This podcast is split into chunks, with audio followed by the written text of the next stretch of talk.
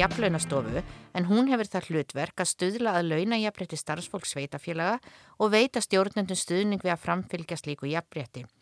Helga Björg er með BA-prófi félagsfræði og MS-prófi viðskiptafræði með áherslu á stjórnun og stefnumótun, bæði frá Háskóli Íslands. Áður en hún tókst við starfi framkvæmdastýru vann Helga lengi hjá Reykjavíkuborg og var einnig um tíma aðstofa maður Svandísar Svavastóttur í helbreyðisráðanöytinu. Velkomin Helga og takk fyrir að vera með okkur hér í dag. Takk fyrir. Uh, svona við byrjum kannski aðeins bara á að skoða kannski heildar stalsferilinn og það verðist nú vera þannig að þú eru oft unni við eitthvað sem að tengist jöfnuðu og kannski sérstaklega kynja jöfnuði.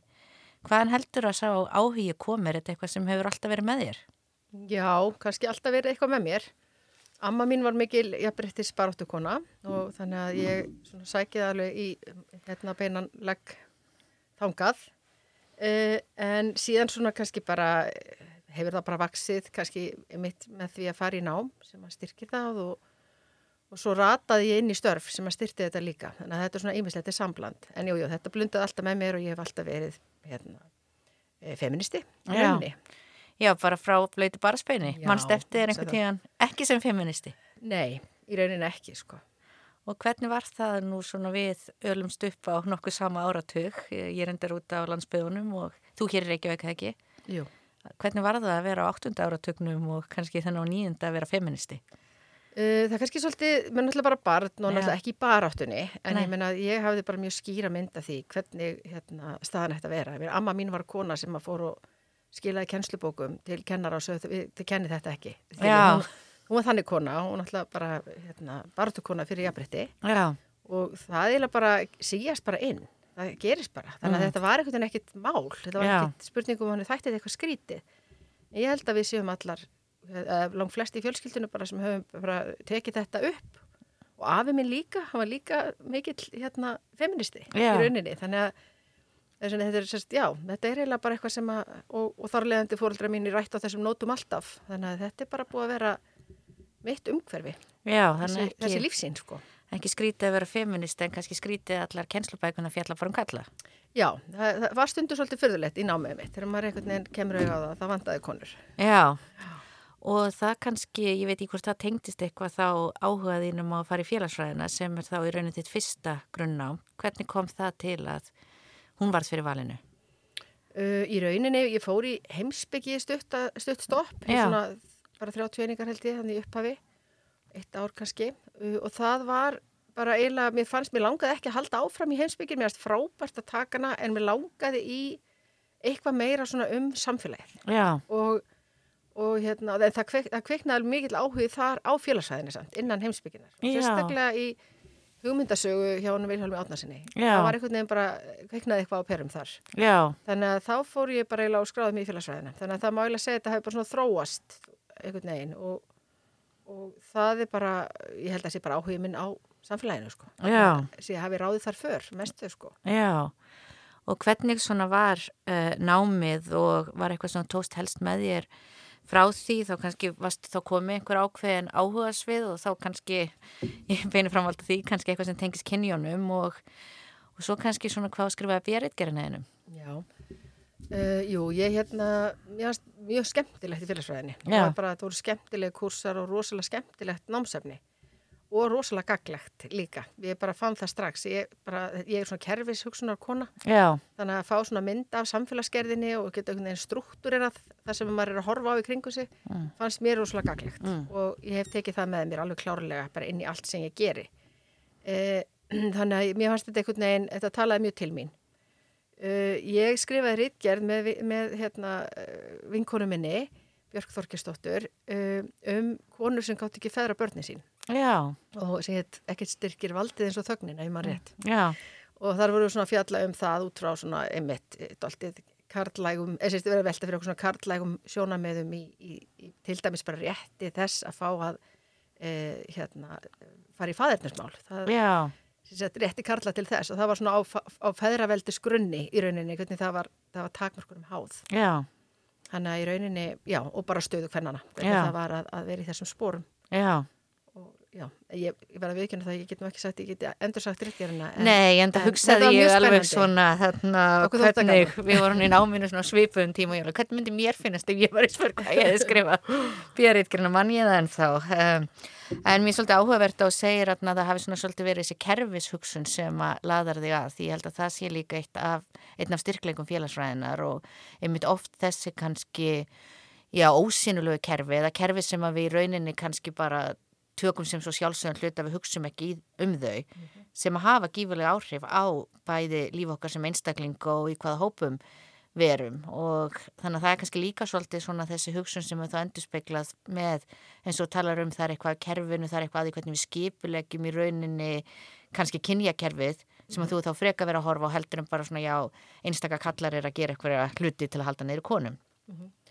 svona þegar maður áttar sig á þessari kerfislegu mismunum og kynja kerfinu að þá einhvern veginn tala það mjög stert til sko litla feministans það er einhvern veginn tilfinningin í, í hérna maganum, hún fekk fór upp í haus. Já, þessi baráttar sem maður hefur og þú veist, vilja einhvern veginn hérna, taka slægin það urðu alltaf til einhver verkfæri og leiðir til að hugsa þetta áfram og þetta einhvern veginn opna svo margar leiðir að sjá þetta í brautum og kerfum. Já, þannig að mér fannst þetta bara að vera algjör bara fórsendu breyting í rauninni, í vinnunni. Já, að, að launaðabreyti og það hefur bara styrst með árunum. Ég get ekki sagt ég að koma út úr félagsræðinni algjörlega með þetta en mér finnst þess að ég sé eigi alltaf auðveldur auðveldur með að sjá þetta í þessum, þessum kerfislega hætti.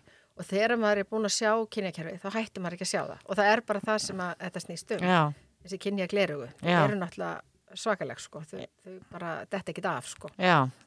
Þegar þú ferð að sjá einhvern veginn heiminn með þeim þá er allt náttúrulega lítið að Já. kyni bara líka við frá því að við erum getinn þangað til við deyjum. Jó, og maður skilur svo vel hvernig fólk sem ekki sér samfélagi þannig, finnst maður kannski svolítið klikk þegar maður hefur áhyggjur af uh, því að stitta opnaða tíma leikskóla Mm. bara, maður hefur svo rosalega áhyggjur af því og fólk skilur það ekki alveg, skilur, en það er Já. bara, maður er að horfa á heildamindina Já, veist, þannig að það er alveg, og eða bara, tek bara dæmi, það er svo margt annað, maður er alltaf einhvern veginn að, að því maður er að tala upp ötni sinum þetta og þau sjá ekki alltaf alveg samhengið, veist, þegar maður þarf að útskýra það, Mm. uh, að þetta er allt samhangandi og það er kannski það sem að er svo mikilvægt, mikilvægt leksja úr bara félagsræðinu, sko. Og það er kannski líka að sumuleiti sérstæðjafel betur í samfélagum sem eru þó komin eins já, langt í jafnrétti og við erum, eru allir þessi litlu hlutir. Já. Og einhvern veginn þeir sapnast saman og hvernig þeir eru þá kannski kerfispundnir í að gera hlutin alltaf kannski auðveldara fyrir annarkynnið og erfiðara fyrir hittkynnið. Þannig að þegar þú kannski segir, jú, þú veist, eitthvað einstakt eins og hversu lengi leikskólar eru opnir, það er kannski ekkit stórmáli það var eini hluturinn Emmi. en ef að það er í rauninni kannski einn af hundra hlutum sem eru að gera það til dæmis erfitt að ná jafnrétti á vinnumarkaðum millir kynjana þá auðvitað fara allir þessi litli hlutir að safna saman og skipta máli. Algjörlega. Og ég er alltaf bara einsta móðir, búin að vera það hérna, með lítil börn Já, á sínum tíma Já. og það ég hefði ekki getað unni fulla vinnudag ef leikskólar verið opnir uh, 8 tíma á dag. já, nákvæmlega. Það, er, það, er, með það fara tími ferðir og, og allt þetta. Já, Lífið er ekki bara Excel sko. já. En svona talandi um uh, Excel og svona kannski fara eins úr í tölur og slíkt, þá fórstu líka sérni í viðskiptafræðina og tókst þar MS gráðu í uh, áherslu á stjórnun og stefnumótun sem náttúrulega svona endurspeiklaði sem þú hefur verið að fást við. En kannski svona aðeins, hver var hugsunagangurinn að hugsa þetta er nú sniðut að bæta við og hvernig hafa kannski þessar tvær gráður nýst saman? Sko ég var náttúrulega sérstaklega klók þarna sko ég segir. Ég, hérna, ég var þarna með, komið með tvö börn. Ég hafði sérst farið að vinna í eitt ár eftir ég kláraði bíðan á mig og ég egnaðist börn, tvö börn á því ári uh, og þau voru bara alltaf lasin eða þeir og ég eiginlega sá bara ekki fyrir mér að geta verið á vinnumarkaði með það svona litla og ég ákvað bara að fara í nám. Já, Þannig að eiginlega var þetta bara svona útlokana. það verður bara að segja að þetta er ekki meira spennandi en það, en það. En mér fannst það frábært. Ég fóð fyrst í svona grunnnámseiningar og svo fór ég í masterinn. já, Þannig að þetta voru alveg þrjú ár uh, og hérna, mér fannst þetta bara mjög skemmtilegt og bara kom mér á óvart eiginlega, hvað ég hafði, að ég hafði aldrei lót mig detta í hug að fara í viðskiptafræði. Hvar það ekki að mér. Já, Ekki er svona, þess að fólk myndi tengja við mig. En það var virkilega gaglegt og skemmtilegt og það bætti, bætti bara svona við vitt inn í myndina eitthvað. já, Að fara inn í þann heim. Og svo náttúrulega í mastersnáminu er auðvitað, þessi stjórnun og stefnumóturinn nálgun var bara mjög gagleg. Þessi áhersla á, á, á hérna, mannuð stjórnun og stefnumótun og annað slíkt. Það er náttúrulega eitthvað sem ég hef auðvitað bara verið að vinna með talsvert bara síðan þá sko. já.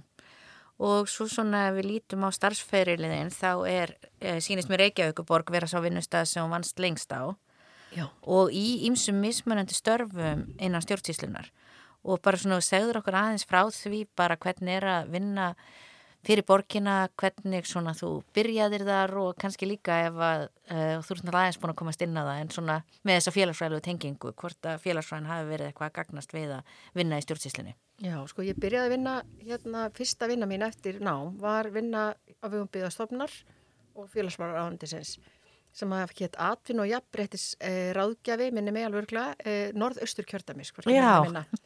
Að. Og ég var það staðsett á Eilstöðum og vann þá í rauninni bara svona við það að reyna að styðja konur á Östurlandi í tengslu við atvinnu uppbyggingu vegna álvers. Já, Og því miður þá var, það var ekki alveg svo þetta að vera, þegar það, það voru svona meira hættastörfum heldur en að hefja störfum, það er náttúrulega hækkaði leiga svo mikið, þetta var svona klóndæk bara áhrif þarna á Já. Östfjörðum. Þannig að það var ekki beint kannski að maður gæti mikið verið að styðja við uppbygginguna, en það var mjög, mjög spennandi, þannig að ég byrjað þar já, og hérna bara hef bara hérna og finnst gaman að vinna í svona struktúr í rauninu, í kerfum. Já, að starfið hafi verið mjög frjálst. Ég gæti svolítið móta það sjálf. Já, eftir það fer ég að vinna hjá með stutustoppi vinnumálastofnun fer ég að vinna hjá borginni og þá byrja ég í mannusmálum hjá framkvæmdasviði þá. Já, og um, verð held ég já, er bara svona í mannusmálum þar en uh, svona hjá, hjá því sviði og umhverfis og skiplas og umhverfis og samgöngusviði uh, til 2012 og Já. þá fer ég, og mér finnst mjög spennandi að vera í þessum mannusmálum á þessum tíma, fannst þetta ótrúlega skemmtilegt. Já, og þá tek ég við starfi hérna, skrifstofastjóri og skrifstof borgarstjóri og borgarítara já, og það undir það starf heyra mannusmál og það er kannski á þeim fórsendum sem að ég var svona stórum hlutar á þeim. Það já, og kannski hvað að því við heyrum svona skrifstofustjóri og þetta er örgulega eitthvað mikilvægt og slíkt, en þú veist hvað nákvæmlega er starfið og hvað gerir skrifstofustjóri á það er í rauninni bara sagt, í rauninni bara stjórna eða stýra þessu, þessari skrifstofu sem tók utanum þá mannusmál upplýsingamál, Já, uh, tölfræðimál að hluta til um, þarna undir voru eitthvað fleira borgarskalasafnarnum tíma. Já.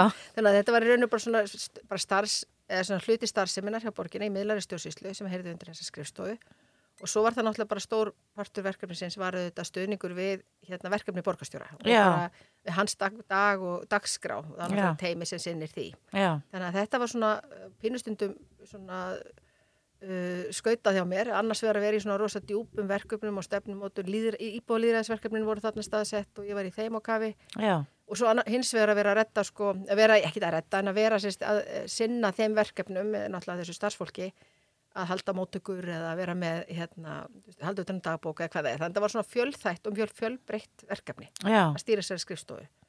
Mjög margi málflokkur undir og náttúrulega mannismálinn sem Mm. voru þarna undir. Og þau tóku ansi mikinn tíma. Og einmitt að meðan ég var í þessu starfi þá uh, er farið í þá um tíma var ekki mannustjóri það var, var milli ráðninga. Já, Og þá hérna gengdi ég svona þeim verkefnum, mannastjórars, mannastjóra borgarinnar. Og, og þá fórum við endum að þetta á starfsmatskerfi borgarinnar og þannig svona kviknaði minn áhuga á þeim þáttum, já, má ég að segja. Ég hafði rosalega mikið áhuga á launum en kynjana og alltaf haft það, en þarna svona fór ég á dýftina og inn í svona þetta virðismat, þennan grunn, þennan virðismat starfana já, og, og svo svona hefur það blundað alltaf og svo fer ég náttúrulega staðin í jafnlunastofu síðar já, og nýti þá þessa þennan grunn. Þannig að meðan ég var hjá borginni þá fórum við svona í algjörða endurskoðun, endurskoðum öll störf sem að tóku hérna rauðingang samkvæmt starfsmati, endurskoðum kerfi fyrst og það hafði verulega áhrif til launahækana fyrir konur. Og hvernig gerðu þið það eins og við bara svona byrjum með borgin á það sem varst að gera þar og förum svo yfir í jaflunastofu og færa það út en svona hvaðan kannski kviknaði þessu hugmynd að þetta væri eitthvað sem væri mikilvægt að gera og hvernig er í rauninni hægt að hugsa hér er ég með borgin og öll þessi störf, hvernig get ég einhvern veginn metið þau? Sko það mæla að segja að starfsmatskerfi borgarinnar er, er aðferðafræði til að meta grunnlaun starfa uh, þessi grunn, um, virði starfa sem er svo tengt við grunnlaun með tengireglum. Þannig að það er tengireglan sem er samið með kjærasamningi en matið er svona, það er stendur sjálfstætt. Og þetta mat var innleitt 2000, eða upp á aldamótum síðustu mm. á borginu og sambandinu og síðan má segja að það, kannski, það voru komið svona 10-12 ár frá því það var innleitt þegar ég er svona að koma inn í þetta. Og og þá er orðin svona einhver leiði. Það er ákveðin félög sem vilji ekki lengur verið í kerfinu, þú veist, mm. nokkuð stjættafélög sem sömdum að nota þetta sem grunnlaunasetningu, uh, sem grunnað grunnlaunasetningu, en hérna, og þau voru orðin þreytt á því að þetta kerfi væri ekki nógu, tekki ekki nógu mið af hvernastörfum. Mm. Og þessi félög voru bara, höfðu ímislega til síns máls í rauninni, það var alveg hægt að breyta hlutum og við ákvaðum að bara, við vildum alls ekki að kerfið myndi loknast út af, mm. að ef fólk veit, ef að félagum vildi ekki vera inn í því, þá náttúrulega myndi það ekki vera til. Já, sjálfsögða. Já, því það er samið um það. Já. Þannig að við fórum í þessa vinnu svona svolítið vegna þessa hérna hvernastjætta sem óskuði eftir því, mm. má segja.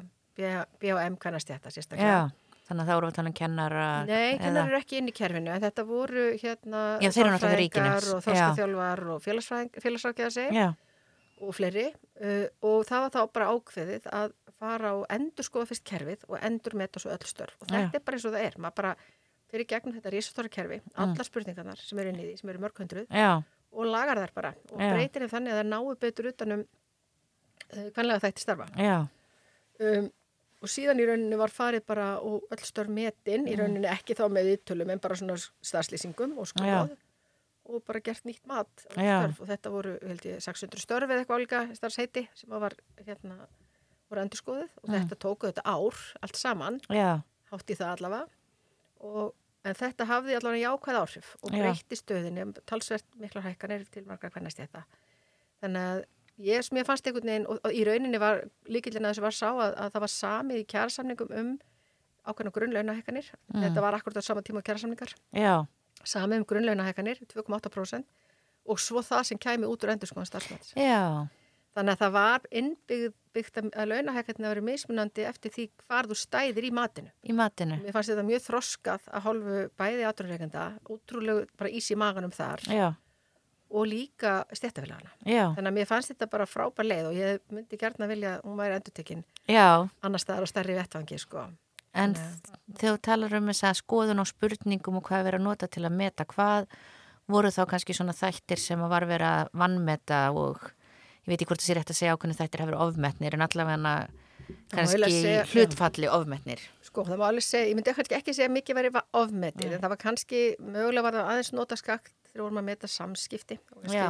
Nokkra karlastjætti sem fóru svolítið herra kannski heldur en við myndum skrifa það núna veist, en það er svo sem var jafnað út að einhverju leiti uh, en hvað var það svona vannmetna þætti þá má segja sko bara dæmi að, að þurftum ekki að breyta þáttum kannski mikið bara að breyta notkunn þeirra. Mm. og til dæmis það að þegar við tölum um vinnuðastöður fólks að, að þá er til dæmis háfaði við viðkjörnum að þessi háfaði frá umferð fyrir verkamenn þegar þeir vinna út í umferðinni og háfaði í byggingariðnanum og háfaði á vinnuvélum. En það var ekki með samaskapi viðkjöndur háfaði frá því að vinna með börnum. Já. Skiluru, Já. og bara þessi þetta er dæmigerða, þetta að auðvitað þetta þykir okkur sér börn óttalega krútlega og skemmtilega mm. en það er satt háfaði frá þeim. Já. og þá þá bara meta hann. Það hefur einhvern veginn verið tilhengin að við höfum svo ofsa gaman að þessu alltaf. Veist, og, og, og finnst þetta bara svo, þetta var okkur svo eðlislegt. Já. að það þarf ekkit mikið að vera að meta það. Já. og þetta endur speklast þarna. Og þetta er bara svona gott dæmi að það er líka háfaði frá börnum. Og mér fannst þetta bara svona það var nokkur svona þættir. Mm. bara hvernig maður meðhendlar peninga er það bara að halda á peningunum og, og vinna í bókaldið, er það kannski líka þegar þú ert að taka ákvarðir sem hafa áhrif á ráðstöfum fjár, Já. til dæmis eins og að gera talsvert, alls konar svona hluti sem við fórum í, þannig að við gerðum talsvert mikla breytingar á notkunn kervisins, aðeins á, á skilgjöringum, engar svona grundvallar, Nei. en aðeins á notkun og það hafði verið góð áhrif Já. Þannig að já, þetta fannst mér allavega að sína það að, að hérna, við getum gert þetta. Já. Ég að trúi því. Já, og mér langar að koma og við ætlum svona kannski að ræða það aðeins betur með þessa nýju stopnum sem við vart í en mér langar aðeins að heyra bara um þig því að þú fúst líka aðeins í ráðuneyti hjá Svandís í helbreyðisráðuneyti og vannst þar sem aðstofmaðurinnar eh, hvernig var að vera í ráðuneytun og er einhvers svona munur sem þú sér til dæmis á eins og að vera hjá ríkin eða vinna hjá sveitafélagunum eða borginni? Sko, ég var náttúrulega sem aðstofamaður. Já. Þá er maður ekki alveg inn í kerfinu. Mm. Uh, mér fannst þetta bara mörguleiti mjög svipað og bara í rauninu auðvelt að vara á milli. Þú veist, maður þekkir þessi vinnubröð og hvernig, hvernig hlutni ganga fyrir sig. Er svona aðeins meiri formfesta í Mm. ráðanitum, heldur en kannski sveitafélagin geta left sér. Já, Og ég get ímynda mér að það sé stundum auðvildra, ég veit ekki, það er mjög mismunandi eftir ráðanitum. Ímynda mér að það sé kannski auðvildra svona að þróa leið, nýja leiðir og svona. Mm. Það er líka nær þjónustunni þegar maður er í, í, stjór, í hérna, sveitafélagunum. Að maður getur svona fundið fyrir beinum áhrifum gagvart fólkinu Já. þar. já, Það er svona lengri leiðir í ráðanitunum. já, Uh, þannig að mér finnst þetta frábær reynsla sko og, og voru, ég var okkur á sama tíma og að vera einlega helbriðistefnu sem var mjög skemmtilegt já, og koma þess að hérna, útfærsla á því og kynning á því þannig að það var bara mjög spennandi vinna. já. Og þarna nú langar mig að fara eins yfir í þessa stofnun uh, sem að ert núna framkvæmda stýra. Mér finnst það mjög gott að uh, sjá þá auðvitað ekki við aðru að búast frá þér heldur en að vera ekki stjóri. Um, en eins og ég sagði á það þá er hlutverk hennar að stuðlaða launajafrétti og mér langar kannski að byrja aðeins á vandamálinu sem að hún á að leiðrétta sem er þessi kynbundni launamunur og við erum náttúrulega aðeins búin að koma inn á hann en mér langar svona bara aðeins að fá tilfinningu fyrir hvernig þú metur bæði bara hversu stort vandamál hann er í íslensku samfélagi í dag en líka kannski að fara eins yfir söguna, hvenna byrjum við að tala um þetta sem vandamál og svona hvað eru kannski stóru skrefin þar sem við höfum náð einhverjum árangri því að við höfum vissilega náð árangri hér á Íslandi. Og hérna, launamunur kynjana náttúrulega er til staðar í Íslandi og hann er fre- frekar hár. Mm. Það er jákvæð þróun frá, ég hef verið að nota tölur frá 2019, Já, um, ef maður rétt, nei, jú, líklega. Uh, en svo eru komna nýri tölur, en þær eru ekki, ég hef ekki, sagt, ég hef ekki verið að uppfæra mig með alveg glænýjum tölum, kannski að því það hef ekki verið bæði leiðrétti og óleiðrétti munurinn alltaf. Þannig ég hef svona horfið til þessar samaburðar já, og það er svolítið mikill munur á leiðréttamuninum og óleiðréttamuninum. Og í rauninni er staðan þannig að ef við horfum til 2019 til launamunarins, þá var hann cirka 14% á í heild, 14,8 minni mig á, alm- nei, hérna, almennumarkaðinum, Mm. 14 á ríkinu og 7,3 á sveitafélagum. Það eru skera sig algjörlega úr, ég, ég held ég sé að vera rétt með tölur, en það skera Já. sig algjörlega úr uh, í þessum óleiðrétta mun. mm, Svo er leiðrétti munurinn talsveit lægri. já, Og þar erum við búin að skýra út launamunin, er segja að er, það sé réttlætanlegt að það sé munur út frá okkur skýribreitum. mm, Og þær breytur eru með starf og starfstjætt. já, Og þá erum við náttúrulega ekki lengur að fást við hinn kynbundna vinnumarkað, við Já. ætlum að gera það. já, Þannig að ég er ekkit sérstaklega hrifin að ég vera að horfa mikið á leiðréttamunin, nema bara svona sem verkfæri vinnunni. En félagslega fyrirbærið hinn óleiðréttamunur er það sem ég hef áhuga á og náttúrulega síðan tökjumunurinn. Þannig að ég hef alltaf sagt að sko okkar verkefni við aflunastofu, það er þessi félagslegi veruleiki, hvenna, að búa við efnaðslegt missetti Mm. sem fælst í launamönnum og við erum að, við erum að vinna í því og það er að leiðandi vinna í þessum kynskipta vinnumarkaði. Mm. Og til þess eru starfsmatskerfi hugsuð. já, Af því þau taka ólíka, þessi, þau taka sagt, uh, vinnumarkaðin, tökum bara sveitafélagin, þau eru með ansi mikið þversnið af störfum. Þau eru með verkutæknifræðinga, hagfræðinga, vísitafræðinga, kennara, hjúkunarfræðinga, þau eru með rosalega mikla breytt en eiga að meta alla með sama kerfi. mm, Þannig að með því að gera það, þá ert að vinna á hennum kynbunda vinnumarkaði og þeim mun sem, sem að, hérna, þeim launamun sem af honum stafar. Og í nýjustu, eða í rannsókn hérna Hagstofuna frá, 19, nei, frá 2021, þá segir að launamunur, eh, launamun kynina megi lang, bara nánast alfæri rekja til hins kynskipta vinnumarkaði. mm, Mm. Það sé hverfandi þessir lífræðilegu þættir og, og mentun já, áhrif þeirra á, á launamunin. Mm. Þannig að það, ef við ætlum að vinna gegn þessari mismunun og þessari efnaðislegu ójöfnu stöðu kynjana, þá er ekki tægt að horfa fram hjá því við verðum að vinna með uh, óleðirtamunin.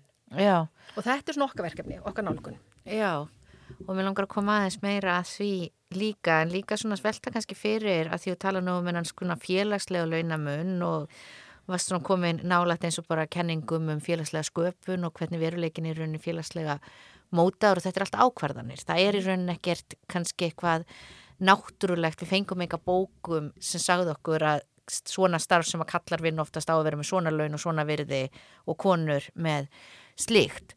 Uh, þannig að kannski svona uh, velta aðeins fyrir þér svona kannski hvernig þetta tengist í starra samhengi bara já, hvernig við höfum skapað kynjakerfið í gegnum tíðina Já, og að náttúrulega, þetta sé í rauninni eitthvað sem er ákvarðanir einstakling og hópa og kannski þeirra sem hafa völd í samfélaginu.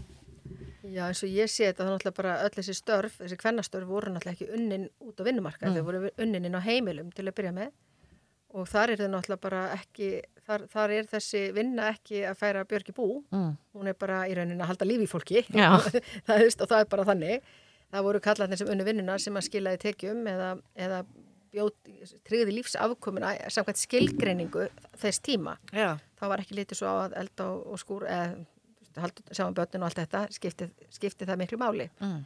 e, þegar að störfum fara síðan út á vinnumarkaðin færast tangað að þá erum við að fara úr þeim botni Mm.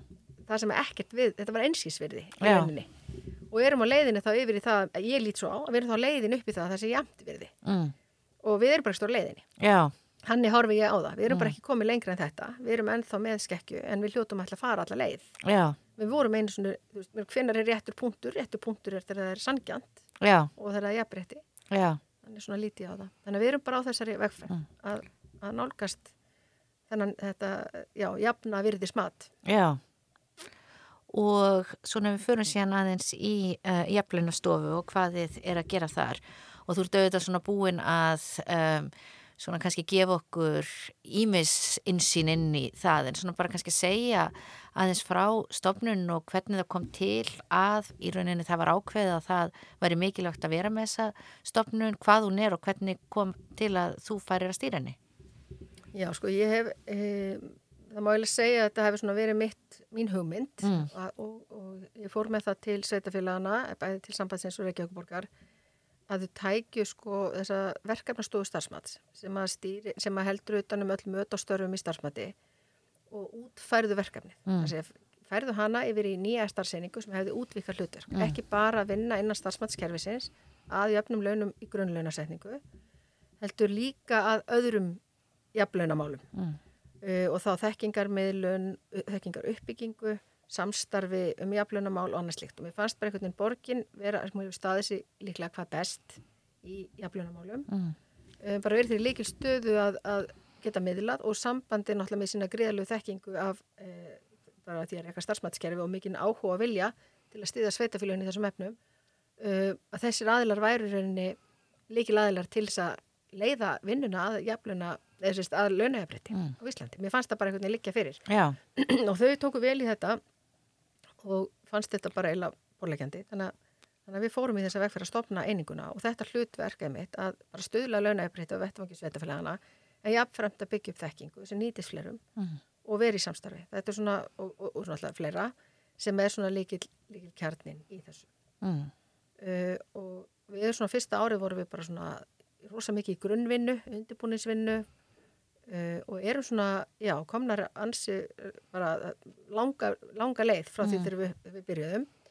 Uh, svona bara erum að stiga skrefin inn í svona samstagsverkefni með setjafræðunum vonandi um, um ímismál og, og ætlum að reyna að efla svona þess hérna, úttektir á launamun og svona ímislegt annað. Já, kannski um til segjum ræði svona meira frá því bara hvað þið eru það, gerir það að vinna fyrir ákveðin sveitafjölög og skoða hvernig ástandi er hjá þeim, eru það að gefa út leiðbenningar um hvað er hægt að gera til að fara eftir kerfinu eða láta það virka betur. Sko, verkefnastofa metur öll störf og Mm. gefur út leiðbynningar og reglur um hvernig maður skuli starfa að því og allt, allt slíkt. Það likur fyrir og það var gert áður hjá borginni. Það sem að hefur bæst við og það er í rauninni rísa stórt verkefni. Það er í rauninni, sko, öll störf sveitafélagin eru metin til launa, hjá, til grunnlauna, sem að öll þau störf sem eru í rauninni með kjærasamningar sem hafa, hafa hérna, sem byggja á starfsmatis í grunnlaunasetningu. Þannig að það, hefur, það er bara í gangi og það er mikil fræðsla og stuðningu sem hefur verið til staðar. Uh, hitt er svo að útvika vinnuna. Hvernig ætlum við að styðja sveitafélagun í svona annari vinnu? mm. Þar er til dæmis, kemur til, á- og er, er til skoðunar að þróa viðbótalaunakerfi já, uh, sem er þá uh, ekki bara svona, ekki bara, bara fastlunarsamningur eða svona ógagsætt, heldur að það séu bara skilgreind viðmið og maður þurfi bara að, að hérna, meta alla sem að maður ætla að greiða umfram grunnlaun á þessu sama kerfi og allir fái sömu, sama mat í í samræmi við ákvæði laga um að öll, all launisætin skulle byggja á sömu viðmiðum. Þannig að hérna, við erum svona styðja við það og erum í rauninni að fara inn í þá vinnum og segja Mm. og við erum með, með kynningafund um jafnlunastofu fyrir sveitafélagin og okkar starfsemi, við sjáum þetta fyrir okkur, núna 20. februar. Þannig að við erum svona, þetta eru verkefnin sem við erum að fara í núna með þeim. Já, Stuð, styðja þau í vinnunni við jafluna staðalinn en alls ekki vinna þá vinnu. Við Mhm. það eru rákjafa fyrirtæki í því. já, Við erum bara að styðja þau sem snýra virðismatinu, virðismats hérna, þætti jafluna staðalsins og við viljum endilega gera það. Þannig að við erum svona, já, við erum að styðja þau í þessari vegferð já. með ráðgjöfræðslu og, og svona aðkomi af, af þessum virðismati. Og þau sem að standa að stopnuninni eru Reykjavíkuborg og Sveitafélagin eins og við höfum rætt og kannski svona, og við erum alltaf búin að tala um þetta sem vandamál í samfélaginu, en kannski svona setja svolítið í samhengi við eins og kannski hversu stort vandamál þú sér vera hjá sveitafélagunum og þá kannski samanbyrði við ríkið og síðan engageiran og kannski myndir þú sjá að svo vinna sem að þið er að vinna núna er þetta eitthvað sem síðan hægt að yfirfæra inn á bara vinnumarkaðin í heild. Já, sko, launamunur kynjana hinn óleðrétti er, helming, það er helmingi læra hjá sveitafélagum heldur en ríki og almennamarkaða svona sirka. Já, Þannig að það er verulegu munur og ég hef svolítið verið að nálgast að þannig að við erum svona eiginlega með þrjú launasetningamódel já, í landinu. Við erum með hérna bara almennamarkaðin sem er alls konar mm, uh, og öruglega hefur jafnlaunastæðilinn strúktur er það örlítið. já, Fólk hefur þurft að samræma sig svolítið í, í launasetningu það, og það er bara held ég gott. Um, svo erum við með eh, hérna ríkið sem er með stopnarnarsamninga og launasettur samkvæmt hérna, uh, þeim. Samkvæmt svona ákvæðum um hvaða þætti skuli meta til launa þar. Og svo er það sveitafélagin já, og það er bara alveg augljóst að sveitafélagin eru þá, eða ég, fyrir mér er alveg augljóst að, að svo aðferð sem sveitafélagin beita skilar meiri árangur heldur en hinnar já, og, og þess vegna finnst mér eðlilegt að, að það sé verið að horfa til þess að, að taka upp einhvers konar aðferðsfræði virðismats mm, e, við, við matastörfum uh, bara víðar sko. Mm. Þannig ég myndi halda að það væri klárlega hérna málið og það er áhersla á það hjá ríkinu núna mm, og við höfum verið í samstarfi við hérna, uh, aðgerðahóp um launajafrétti á vinnumarkaði, hann heitir eitthvað aðeins annað en sirkabát já, sem að, mm, eru við um fórstæðsáraðandi sinns mm, þar sem aðeinslega vinnumarkaðin sita og við höfum verið að vinna með þessum hóp eða fyrir þann hóp í, í svona þróunaverkefni um virðismat starfa. Þannig að við erum líka að gera það. Við erum með ítalega fræðslu núna í haust og erum á leiðin inn í svona hérna, mótunarvinni, þróunarvinnuna núna. Þannig að ríkið er líka farið að líta í þessa átt sem er spennandi. já, og þetta er auðvitað eitthvað sem hefur skoðað hér innan háskólans og rannsóknir eins og í kynjafræðinu þetta sínt til dæmis fram á innan háskólanna og allavega háskóla Íslands þá bæði sjá þetta vandamáli varðandi hvernig greinar eru metnar að ofta kannski meira gefið til greina sem eru frekar tengda við kallmenn og líka kannski þau störf sem eru unnin að þú sést líkleri til að fá til þess auka greiðslu fyrir kannski eitthvað sem kallar eru líkleri að sinna heldur en konur.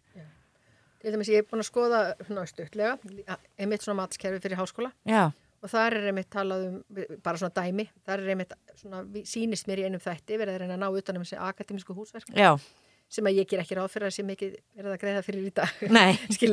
þannig að það er hægt að skoða þessa þætti og meina, það sem við erum með í dag er ekki það eina í stöðinni sko. Mm. það getur alltaf hugsað einhverja nýja leið sko. já, og ég veit að það er alveg klárlega hægt að gera einmislegt í, Mm. í launasetningu hjá bara mjög mörgum aðlum Já, það eru auðvitað það sem að þú heyrir oft sem að mér er svo svona, já, mikil ferskleiki að heyra því tala að það er oft svona, já, kerfið hefur alltaf verið svona og þetta er bara kerfið og svona hefur þetta alltaf verið og við getum ekki breytti og stundum jafnvel að heyra við getum ekki breytti því að þá fá einhverju minna því að það er náttúrulega líka kannski hluti stundum í þarna En þetta náttúrulega, og sérstaklega náttúrulega þetta jafnvirðiskerfi líka er í rauninni að endurspegla ég bæði gjörbreyta hugsun kannski á hvernig við hugsum um uh, hvað skiptir máli í uh, samfélaginu en líka að það er hægt að breyta hlutunum.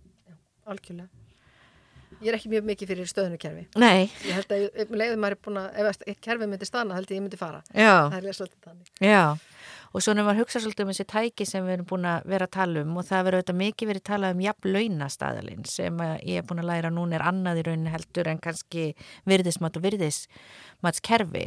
Kannski svona bara segja okkur aðeins í stuttum máli svona bara hvað þetta allt þýðir og hvernig það tengist. já, sko, jafnlunarstaðallin hann er í rauninni bara gæðakerfi Mm. um það hvernig skuli innleiða og viðhalda launajafnbreytti á vinnustöðum og að og það, í því fylgja bara eins og öðrum gæða, gæðakerfum bara alls konar kröfur um, um hérna, skjölun og skráningu og, og, og bara vinnubröð og náttúrulega niðurstöðu og uh, meðal þess sem að hérna, hann fjallar um, það er starfaflokkun. Það, það er að segja að hver einasti aðili þurfi að koma sér upp kerfi við launasetningu þannig að uh, öll störf byggja á samskonar kerfi, eða sama Mm. kerfi. Um, þau segja ekkert mikið um það hvernig það stendur bara að kerfi með ekki leiða til mismununar en það er ekkert mikið meira. Það er í, í vinnugögnum að þetta finna alls konar svona, leið, það er að finna svona hugmyndir að þáttum en kannski ekki en kannski ekki nóg góða leifinningar eða góður svona, uh, gó, svona já, ekki nóg góður vegvísir í staðlunum sjálfum um hvernig skuli gera þetta og Mm. hvaða kröfur eru gerða til fyrirtækja. Þannig að það er í rauninni hætta á því að þegar þú innleiðir virðismatskerfi, því virðismatskerfi getur verið mjög léleg það viðhaldur launamun kynjana Já, og yktan.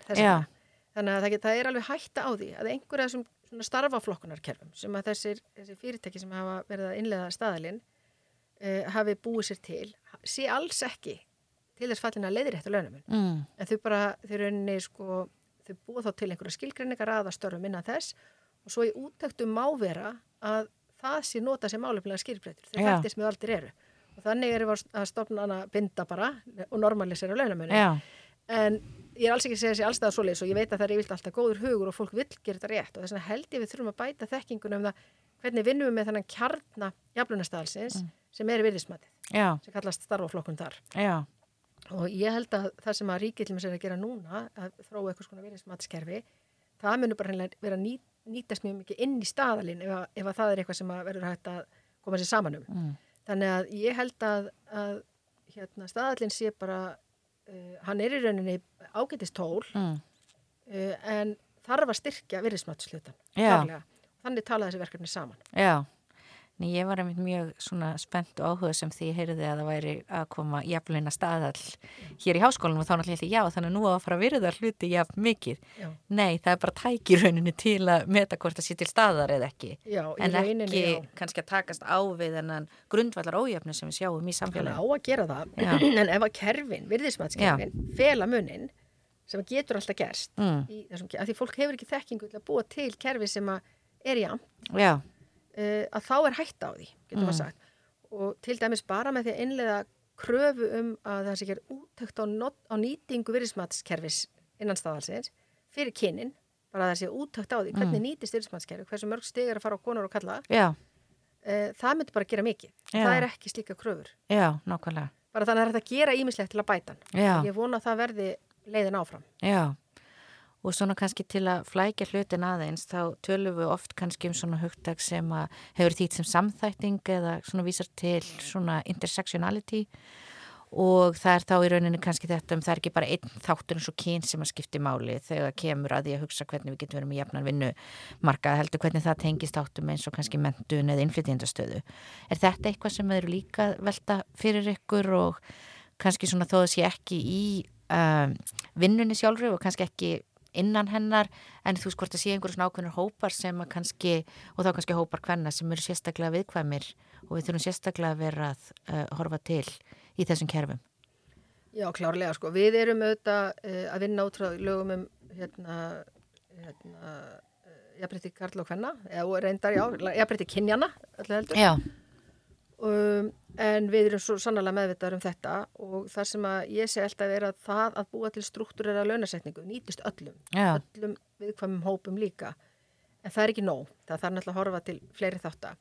Uh, þessar lálauna og sem algengt er að útlendingar, útl- erlendar konur starfinan, mm, uh, þær getur klárlega nýst, það getur klárlega nýst sko svona kerfi til þess að styrka þeirra stöðu. já, Um, það, ég er svona, þannig, að, þannig að það er klárlega, klárt að þessi, stað, hérna, þessi aðferðfræði verið sem að nýtist þessum hópum en það að, að skrifa markvist inn uh, breytur sem Mm. tengjast hópunum hefur ekki verið gert allavega hinga til en er gríðarlega mikilvægt að hafa í huga og ég bara, til dæmis á ég er ég að fara svona samráðsfundi eða svona kynningafundi með, bara með konum erlendum tengslu við þetta, þannig að við erum að sanga að okkur bara þessum, Þeim, þessar, þessum áherslum og viljum auðvitað bara gera það þannig en kerfið er náttúrulega eins og það er í dag og við breytum því ekki nema það sé ákveð að breyta því já, og við erum að undirbúa okkur bara svona svolítið til að vera tilbúin í það já, já, þegar ákveðin að verða Já. Svo ætla teknar. ég að vinna þetta með ríkinu sem að við Já. kannski, þar hefur við meiri þróuna möguleika akkurat í dag en eins og starfsmætskerfi sveitafélagana það er ákverðun uh, atvinnureikenda og stjættafélaga Já, að þróa það og það, mér heyrist nú bara fulli vilji til að gera það sko, þannig Já. að við erum bara spenntar á verkefnastofu. Já, og svona kannski að fara aðeins í svona starri spurningar svona í lokin og ég býst svo sem ekki við kannski að sé alveg 100% að svara en svona hvað myndir þú sjá að varðandi allt sem að þú ert að gera og hefur að gera undanfarin áru og ára tugi að séu svona í dag helstu áskonunnar í íslensku samfélagi við raungera raunverulegt kynjajafrétti á vinnumarkaðu og í launum? Það er svo margt sko, það er náttúrulega gríðarlega áskorunir bara sem snúa að e, bara aðbúnaði svona út frá, hvað segir maður bara út frá hérna ofbeldi, áreitni og öðru slíku fyrir Já. konur á vinnumarkaði og þá sérstaklega náttúrulega fyrir konur sem eru í lægri svona röðum launaskalans sem vinna þjónustustörf og annað slíkt og maður hefur svolítið áhyggjur af því. Þar er mjög ójöfn staða. Um, ég, hvað var þar hérna launamunin, mm. þá er, mér finnst áskorunin vera að ná utanum þetta virðismat. Og, hérna, og ég hef svolítið, ég veit ekki hvort þú tím, hefur tímæli að ræða það, en ég hef svolítið litið á það þannig að það er ekkit annað í stöðun að gera það. Það Mm. eru náttúrulega bara eðlilegt, jafnbreytis og sangetni sjóna með að fara í þá vegferð að, að endur skoða hvernig við metum störf og endur skoða hvernig við þetta mótel um hvernig við launasetjum. Já. Það, það, það er ekki meitlað í stein, þessi, þessi aðferðfræði sem aðferð, hérna, almennumarkaðurinn og, og ríki beitir mm. og við þurfum að gera það.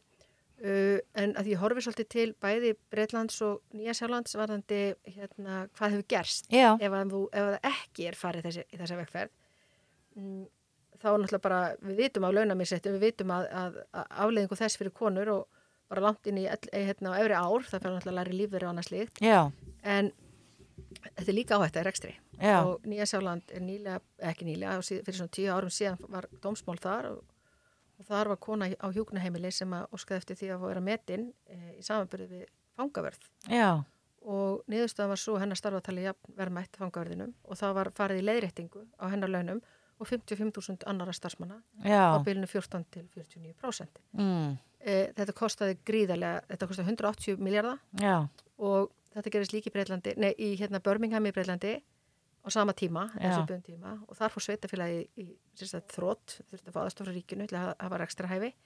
Þannig að þetta er ekki smá á þetta. já, Þannig að maður skilur ekki alveg heldur sko hvernig er hægt að horfa fram hjá því. já, Skauta bara fram því, ég treysta bara á því að við látum þetta yfir okkur Mm. ganga konur áfram. já, Þannig að ég alltaf svolítið svona, uh, ég, ég lít svo á þetta virðis maður að sé leiðin áfram og það er auðvitað mikil áskorun að ná því, ná svona uh, samstöðu um það, má segja. Og líka kannski þetta þessi dæmi sem þú ert að taka og kannski svo staður sem við erum á í dag í íslensku samfélagi er að við erum kannski nokkuð sammála um hugmyndafræðina, um orðræðuna og um í rauninni hvernig stefnun, stefnan á að vera og ég held að væri ekki hægt að innleiða hér til dæmis inn í einhverja hugmyndafræði að kynin eigi ekki vera jöfn. Nei. En nú erum við náttúrulega líka svolítið á þeim stað að ok, við erum með þessu orðræðu og við erum með þetta í ofnbæri stefnumótun þá auðvitað þarf að fylgja því eftir Akkurat. Og ef að það er ekki gert þá náttúrulega ertu líka komið með vopn í rauninni eins og þessi lagsöknir að hér er bara verið kljá- klárlega að brjóta á réttum fólk sem borgarar Akkurat, og sem fólk á launamarkaði. nákvæmlega. En svona kannski þá alveg í lokin og ég veit ekki hvort að við endum hér á, þetta er svona áhættu spurning, hvort við endum á bjart sínum nótum eða svart sínusnótum eða kannski einhver staðar í raunveruleikanu sem mitt á milli, en svona ertu vongóð um að við náum þessu kynjajafrétti sem að við kannski oft svona reykjum okkur af á erlendi grundu þegar við talaðum um Ísland sem jafnréttis paradís. Já, ég er alveg vongóð sko. Uh, ég er ekkit vongóð ef að, það, ef, að hérna, uh, ef fólk er ekki til í að vinna saman, en ég held að það verði þannig. Ég held að viljum langt flest fara í þess átt. Þannig að með fræðslu og upplýsingum, þá held ég að við getum það. Um, hvað, eins og það- hvað, var- hvað launægjabriti varðar, sko. Já, ekki spurning. já, en svo er þetta náttúrulega miklu flóknara og, En sko það eru leiðir til, það ekki. Ég, bara, ég hef engar áhyggjur af því að þetta sé ekki hægt. mm En við þurfum viljan, er við viljinn. þurfum stjórnvöld með, alveg klárlega, stjættafélögin og aðrunreikundur. Og ég bara, ég held að langt flest vilji fara þessa leið. já. En hérna, þannig að ég bara, ég er bjart sín. Þannig að ég held að við endum bara hér á bjart sínum nótum og bara takk kærlega fyrir að vera með okkur hér í dag, Helga Björg. Takk.